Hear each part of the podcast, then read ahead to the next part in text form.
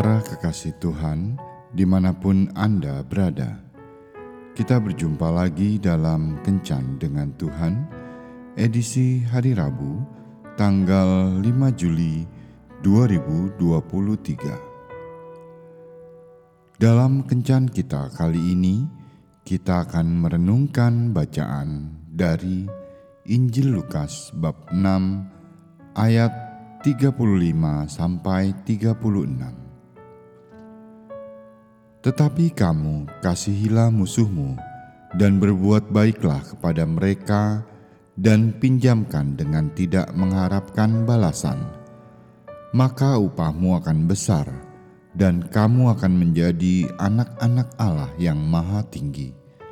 Sebab ia baik terhadap orang-orang yang tidak tahu berterima kasih dan terhadap orang-orang jahat. Hendaklah kamu murah hati, sama seperti Bapamu adalah murah hati.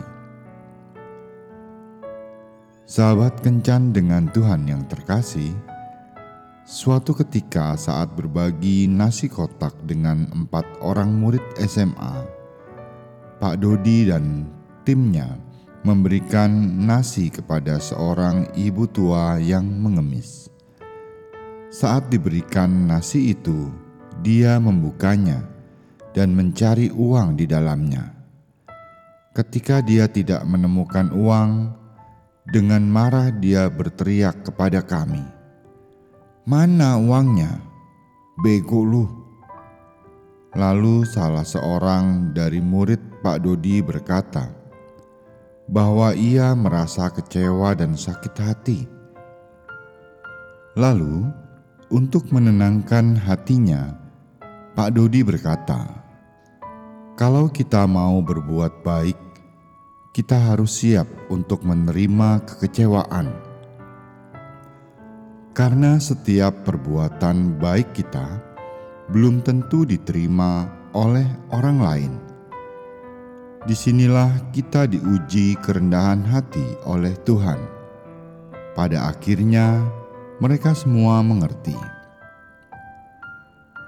Terkadang dalam kehidupan ini, kita sering berbuat banyak kebaikan, tetapi dari semua perbuatan baik itu, tidak semua orang bisa menerimanya, bahkan mungkin mencela, mencerca, dan membalasnya dengan kejahatan.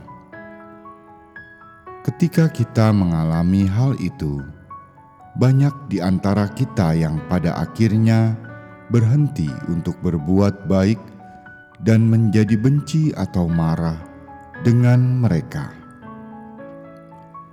Kita tidak menyadari bahwa terkadang Tuhan ingin membentuk kepribadian dan mental kita melalui pengalaman-pengalaman yang menyakitkan.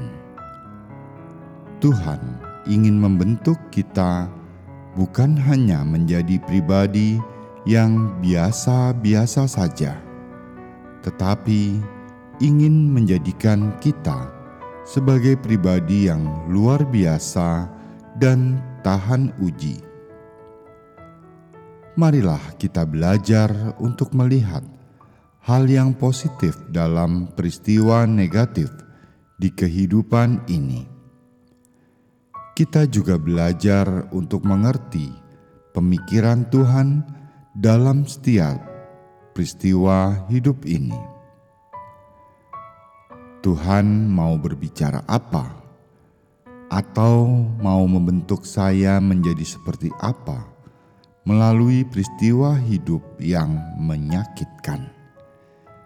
Jika kita bisa belajar memahami rencana Allah dalam hidup kita maka hidup ini akan menjadi indah, walau terasa berat untuk menapakinya. Tuhan Yesus memberkati.